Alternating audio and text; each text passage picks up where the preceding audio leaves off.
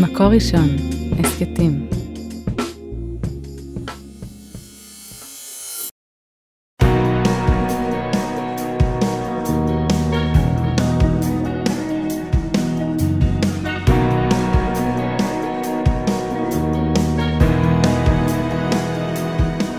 שלום הרבנית חמוטל שובל. שלום הרבנית שירה מרילי מירביס, פרשת משפטים. אז היו אורות וברקים וקולות ורעמים, והיה מעמד מאוד מאוד מרגש. שנייה לפני בפרשת יתרו קיבלנו את התורה, ואז מתחילות המצוות. בעצם יש לנו כאן אוסף מאוד מאוד גדול של מצוות ודינים, בעיקר דברים שקשורים לתחום המשפטי. יש כאן מצוות, הרבה מצוות של בן אדם לחברו, של חברה מתוקנת, אה, וזה בעצם המשך ישיר לעשרת הדיברות ולכל מה שקרה לנו בפרשת יתרו. אה, בנוסף לזה, יש לנו בסוף, אחרי כל הרצף של המצוות הזה, יש לנו מעמד של כריתת ברית, ואז משה עולה להר סיני ומקבל את הלוחות ומצווה על הקמת המשכן. יש תחושה שטיפה הולכים לאיבוד, נכון? המון מרוב המון, מצוות. המון המון פסוקים, עם המון המון ציוויים, ו, ובאמת סוגים מסוגים שונים. ובואי נשים את הפוקוס דווקא על ה... היחס לגר, נכון? שמופיע פה במלוא חשיבותו, כתוב לנו, וגר לא תונה, ולא תלחצנו כי גרים הייתם בארץ מצרים. ואני חושבת שלאנשים ש... שברוך השם זכינו להיוולד במדינת ישראל ולחיות פה, קשה לנו קצת לדמיין את הדבר הזה. ולסבתא של רונן, אישי, יש אה, מטפלת זרה, מקסימה מאוד, שקוראים לה טנג, ואנחנו זוכים לשבת איתה בארוחות משפחתיות. ואני חושבת שאני לא יודעת מה היא דמיינה לפני שהיא הגיעה לכאן, ומה היא חשבה על המדינה הזאת, שהיום היא כבר מדברת די טוב עברית, והיא מעורה פה ומכירה את רחובות אה, תל אביב אה, כאת כף ידה.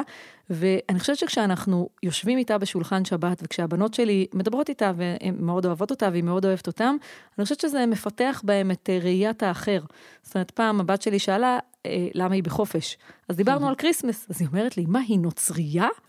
אז אמרתי לה, כן, טנקי לא יהודייה, היא באה לפה לטפל בסבתא, ואיזה אישה טובה היא, והיא האחר. ואני חושבת שלשבת יחד איתה בארוחת שבת, לתת לה תחושה אה, שמכבדים אותה, שנורא נורא מעריכים אותה על העבודה הקשה הזאת, זה, זה גר לא תונה. זאת אומרת, אנחנו יכולים לאמלל את מי שבא לפה כי נסיבות החיים שלו קשות, כי הוא חייב אה, כסף כדי לעבוד, כי זאת דרך אה, הפרנסה אולי הכי טובה שהיא יכולה למצוא, ו- והבחירה לראות אותה ולא להשת- אה, לא להתייחס אליה כאינסטרומנט, כהמטפלת של סבתא. אלא ממש להתעניין בה, אה, לדאוג בה, לדאוג לה. שתשב איתכם ביחד בשולחן שבת, כאילו זה, זה בדיוק, אני חושבת, במעשה מבטא את היחס. לא לדבר על איך נתייחס לגר, בדיוק. אלא בפועל, כשיש אה, איתנו מישהי שהיא לא חלק מהעם שלנו אולי, והיא לא חלק מהרבה מערכות חברתיות שלנו, אבל היא חלק בצורה הכי טבעית והכי פשוטה, חלק מהמשפחה, והיא יושבת לשולחן שבת. ואני חושבת שבאמת הילדים שלנו גדלים במקום אולי טיפה מאוד מוגן ובועתי, אה, אבל מי שנמצא... שנמצא בתל אביב יודע ש, שכל בעיית העובדים הזרים זה, כן, נושא בחברה הישראלית שהוא נושא משמעותי, שדורס התייחסות, כאילו יש פה עשרות אלפי אנשים, אה, וזה נושא מורכב שאני לא מתיימרת להבין בו או להביע בו דעה לפני שאני יודעת על מה אני מדברת, אבל יש כאן חתיכת נושא, ומה ש, שמשמח אותי, לפחות ברמה של הפרשה שלנו, זה שיש לנו יותר מ-36 פעמים שיש לנו את המצווה של אהבת הגר. אמ, וקודם כל, רק ברמה הכי פשוטה של לאהוב. אה, וכמה זה יפה שאנחנו מתחילים מהרמה האנושית, הבסיסית, הפשוטה של אהבת הגר. ובעצם הפרשה אומרת לנו, גם בעוד אלפיים שנה, כמו שאתם יושבים היום במדינת ישראל הריבונית, תזכרו את תחושת הזרות שהייתה לכם במצרים, וזה צריך להדהד לכם אל כל זר שתפגשו, לא לשכוח את זה. כן, כי אה, הרב ליפטג מתייחס לזה בצורה מאוד יפה, הוא אומר בעצם, יכולנו היינו להתחיל את, את, את סיפור עם ישראל מחומש שמות. לכאורה, כאילו היינו יכולים להתחיל את זה מ, מהסיפור של עם ישראל, ואז אה, כאילו היינו פוגשים את עם ישראל בתור עבד, ואז היינו יוצאים ממצרים, וזה היה עצוב, אבל ספר בראשית או חומש בראשית מביא לנו איזושהי, איז, עושה לנו איזשהו זום אאוט, אה, ונותן לנו הסתכלות רחבה יותר, ובעצם הסיפור לא מתחיל בשמות, הוא מתחיל באברהם ובברית בין הבתרים, וכבר בברית בין הבתרים יש את ההתייחסות הזאת לגר. ו... והקדוש ברוך הוא אומר שמה, ויאמר לאברהם, ידוע תדע כי גר יהיה זרעך בארץ לא להם ועבדום, ועינו אותם ארבע מאות שנה. וגם את הגוי אשר יעבדו דן אנוכי, ואחרי כן יצאו ברכוש גדול. זאת אומרת, כבר שם בבראשית, בברית בין הבתרים, כשאברהם הוא עוד אברהם, כבר שם אנחנו יודעים את המשך הסיפור, וכשאנחנו קוראים עכשיו בחומש שמות את כל היציאה שלהם ממצרים ואת קבלת מתן תורה, ועכשיו את כל החוקים והדינים והמשפטים, בעצם זה נכניס אותנו לאיזשהו קונטקסט רחב הרבה יותר, שזה לא שבמקרה עם ישראל התגלגלו לשם, אלא יש כאן איזשהו מהלך אלוקי של בני ישראל, היו צריכים לעבור שם והיו צריכים את העבדות הזאת. ואז בעצם נשאלת השאלה למה? למה לא יכלנו לכתוב את הסיפור של העם שלנו מההתחלה קצת יותר עדינה, מההתחלה קצת יותר נעימה, ולא מארבע מאות שנה של עבדות. אני חושבת שעוד דבר חשוב שהוא אומר, הוא אומר שבמצרים למדנו לעומק כמה אנשים יכולים להיות אכזריים כלפי מי שאינו כמוהם.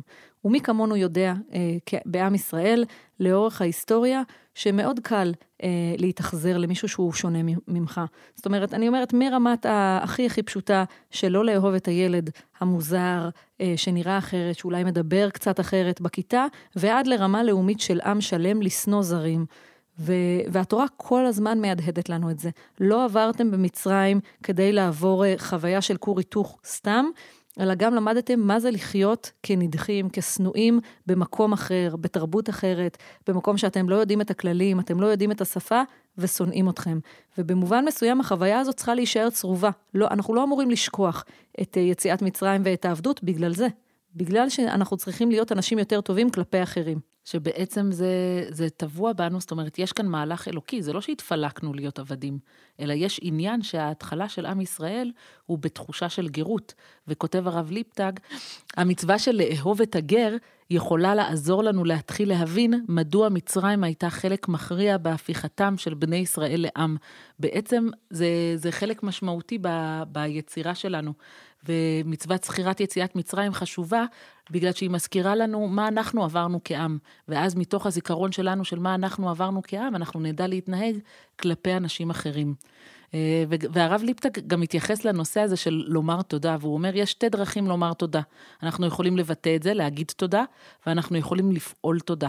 בכך שאנחנו לומדים את מה שעברנו, בגלל שהקדוש ברוך הוא תכנן שנעבור שמה, ומתוך זה להיות אנשים טובים יותר. לקחת את מה שקרה ולהשתמש בו למה שהשם רוצה מאיתנו.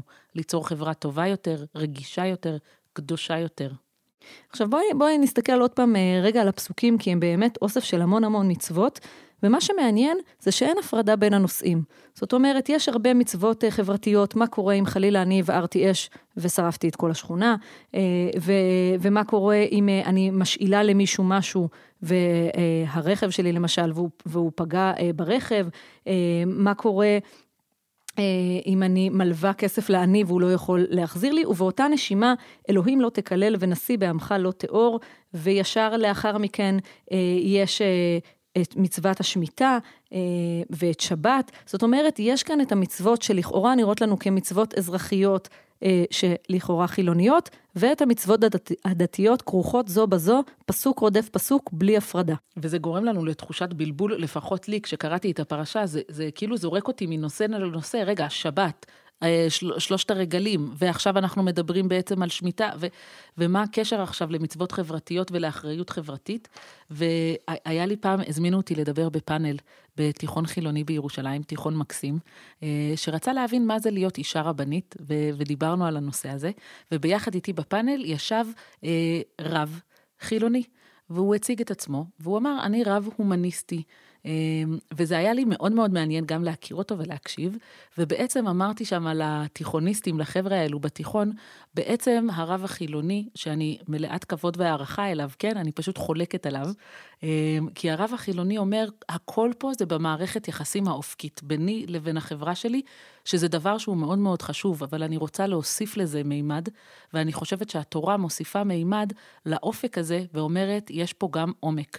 והעומק זה לא רק איך אני כלפי החברה, לא רק הערכים ההומניסטיים שלי, אלא איפה אני אל מול הקדוש ברוך הוא. ואולי מה שהפרשה פה מנסה לעשות לנו, זה מנסה לדבר על הקובייה ההונגרית הזאת, גם על הרוחב וגם על העומק, של איך הדברים האלו, באיזה ממשקים, מתי הם מדברים, מתי הם במתח אחד עם השני, מתי הם חופפים, מתי הם קוראים לנו לאיזושהי חשיבה על הקשר שלנו בינינו לבין הקדוש ברוך הוא, לעומת הקשר בינינו ובין החברה. ולכן הכל פה כל כך מבולגן, כל כך מבולבל. פעם אחת מצווה חברתית ופעם אחת מצווה אלוקית, ו- ואיפה אני בתוך כל הדבר הזה. מורנו ורבנו הרב שוקי רייך אה, העביר לנו פעם שיעור מרתק, שבו הוא לימד את אטוון דאורייתא, שאותו כתב אה, הרב יוסף אנגיל. אה, שחי במאה, בתחילת המאה ה-20, והוא בעצם אומר, יש הפרדה. לכאורה אפשר לקחת אה, טבלה, לשרטט קו באמצע ולהגיד, יש צד אחד שזה מצוות שבין אדם למקום, ויש צד אחד שזה, שזה מצוות בין אדם לחברו. עד כאן לא הפתעתי אותך, נכון? נכון.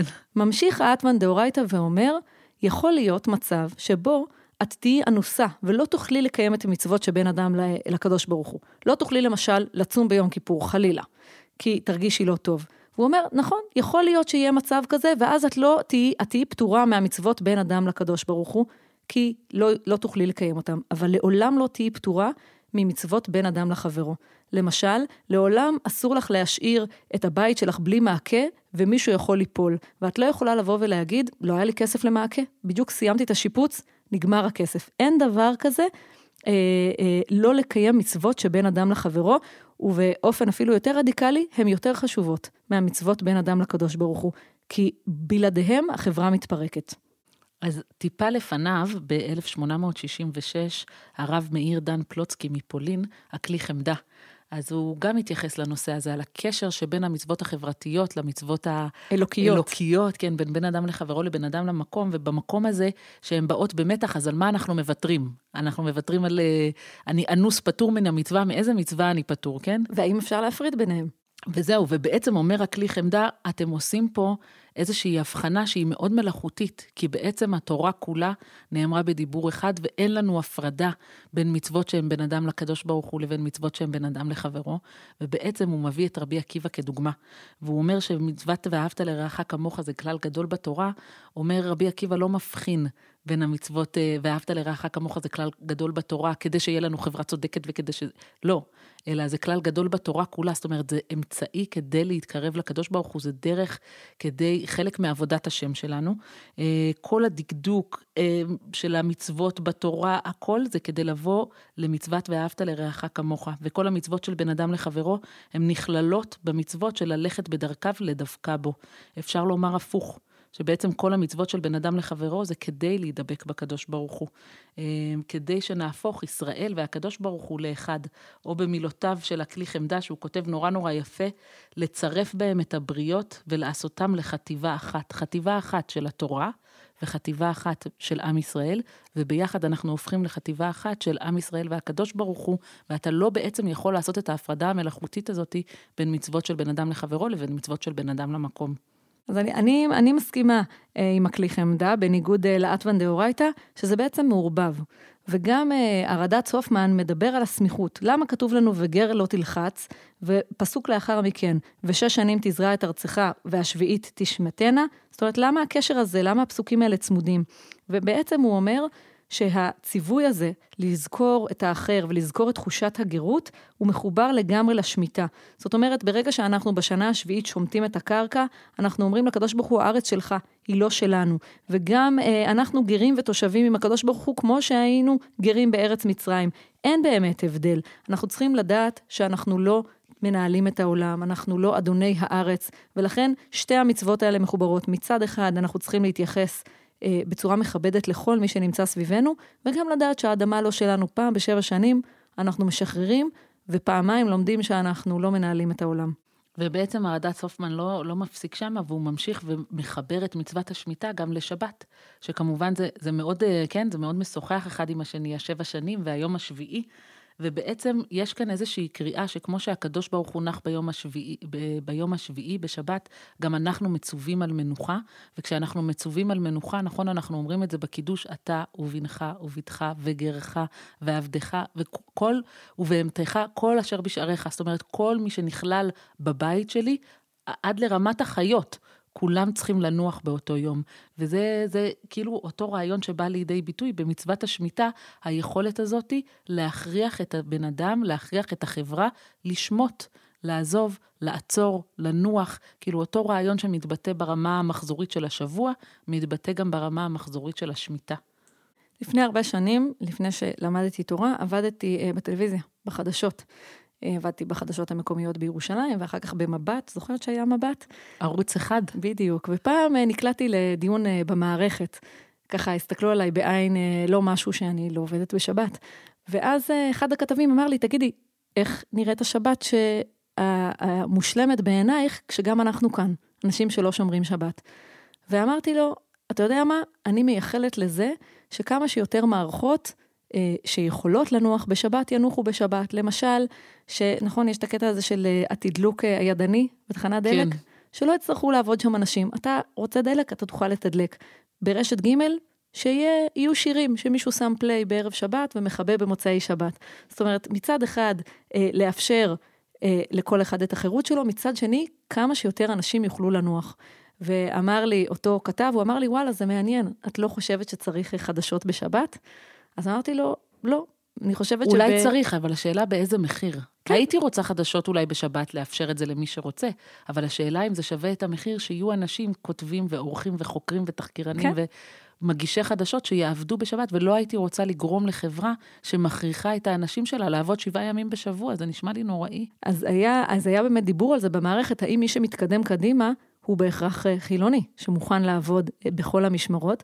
ואמרתי לו, כן, בעיתות שלום אני מייחלת לזה שיהיה לנו מהדורת חדשות במוצאי שבת, שנצליח יום אחד שאנשים לא יתרוצצו לחפש אחר סיפורים, ואז אמר לי אחד הכתבים, אחר כך במסדרון, הוא אמר לי, את יודעת, הרבה פעמים שאני תורן בשבת, לא קורה כלום. אנחנו יושבים פה, באמת, לא, לא בדיוק קורה, המדינה... כי זה כבר התנהלות של מערכת, כן. שחייבת לקיים את עצמה. כן, אבל הוא אומר לי, אין שום דבר בפוליטיקה, אם אין חלילה מצב ביטחוני, אז, אז אנחנו, אין לנו הרבה, אנחנו מלקטים מה להגיד בחדשות, אבל אין הרבה דברים שקורים.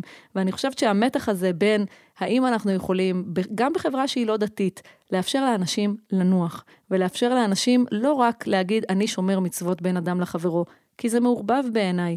כי אם אנחנו רוצים שתהיה שבת, אז כולם צריכים לנוח, ואף אחד לא צריך להרגיש שהוא חייב לעבוד בשבת כדי לשמור על מקום העבודה שלו, זה מורכבות קשה. זה מורכבות וזה גם סוגיה חברתית מאוד רלוונטית, כן? זה, אני, אני תמיד נורא אוהבת להגיד שאנחנו לא המצאנו שום סוגיה חברתית. כל, כל דבר בעצם דנו ודיברו עליו כבר בדורות קודם, כי זה באמת סוגיה רלוונטית לכל הדורות. אמ, הכלי יקר אמ, עושה הבחנה מאוד מאוד יפה בפסוקים, הוא קורא בפרק כ"ג בפסוק כ"ה, ועבדתם את השם אלוקיכם, כן, ברבים, אנחנו כולנו ביחד כחברה צריכים לעבוד את השם, אבל וברך את לחמך ואת מימיך. זאת אומרת, הקדוש ברוך הוא, כשהוא מברך אותנו, הוא מברך אותנו ברמה הפרטנית. וכותב על זה הכלי יקר, התחיל בלשון רבים, סיים בלשון יחיד, לפי שכל ישראל ערבים זה בעד זה, ולא יברך השם לחם של כל יחיד ויחיד, עד אשר יהיו עובדי השם רבים ויעבדו כל זרעו.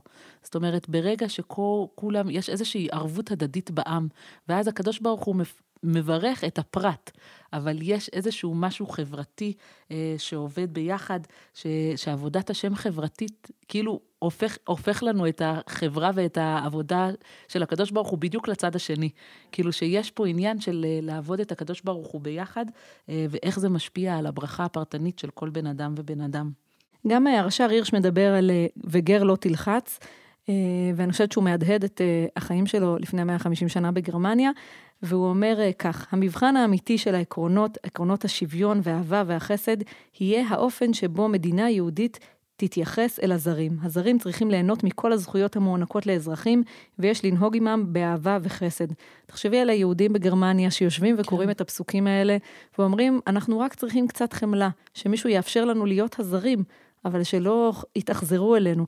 הוא ו... כותב את זה בעצם כגר. כן. הוא הגר, הוא והוא הזר. והוא מדמיין יום אחד שתהיה מדינה יהודית, והוא אומר, הלוואי שאנחנו נדע לא לשחזר את האכזריות לזרים כמו שאנחנו אה, סובלים פה עכשיו. זה, זה מדהים, כאילו הכוח שיש לנו והאחריות החברתית שיש לנו, איך אנחנו משמרים את הזיכרון שלנו כעם, את החוויה שלנו כעם, ומצליחים לתרגם אותה גם לעולם המודרני שאנחנו חיים בה היום, ואיזה אחריות יש לנו.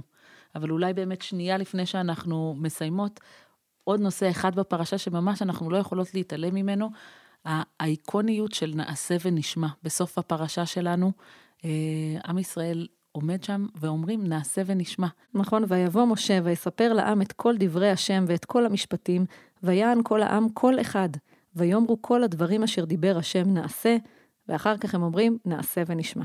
אז הרב חרל"פ כותב על זה מאוד יפה, גם בעל חיים שומע. בעצם לשמוע, כולם שומעים, אין פה איזה משהו ייחודי, אבל אינו מקשיב. האדם הוא המקשיב, וההבדל בין אדם לאדם תלוי במידת הקשבתם. ישראל רוממו עצמם להיות מקשיבים, ואמרו נעשה ונשמע. היינו נשמע ונקשיב לדבר המעשה. זאת אומרת, איפה אנחנו יכולים להקשיב למה שהקדוש ברוך הוא רוצה שנעשה. עכשיו, הרשב"ם כותב, בניגוד לתפיסה הרומנטית שבני ישראל אמרו נעשה ונשמע בלי לדעת בכלל למה שהם נכנסים, הוא אומר, אה, בשונה, ההצהרה הזאת של בני ישראל מביטה אחורה וקדימה. נעשה את המצוות שכבר למדנו ונשמע למצוות שעוד נלמד. הוא אומר, יש פה הצהרת נאמנות של עם ישראל, הם אומרים, אנחנו מאמינים בקדוש ברוך הוא ומאמינים בדרך שהתחלנו ללכת בה. ואנחנו לא יודעים לאן נגיע ומה עוד יידרש מאיתנו. אבל, אבל זה לא רלוונטי, גם אם אנחנו לא יודעים, כי אנחנו מאמינים בזה. בדיוק, הם מאמינים במסגרת, הם מאמינים בכיוון, נשמעים למשה, והצהרת האמונה הזאת היא מאוד מאוד יפה ומאוד מאוד חזקה. אז אה, שנזכה לעשות ולשמוע, ושיהיה לנו שבת שלום. שבת שלום. על ההקלטה והסאונד אוהד רובינשטיין, על ההפקה והעריכה יהודית טל, יאקי אפשטיין ועדי שלם רבינוביץ'.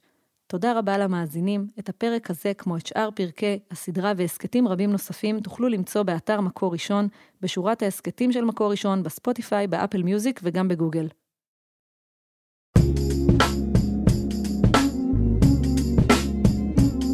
מקור ראשון, הסכתים.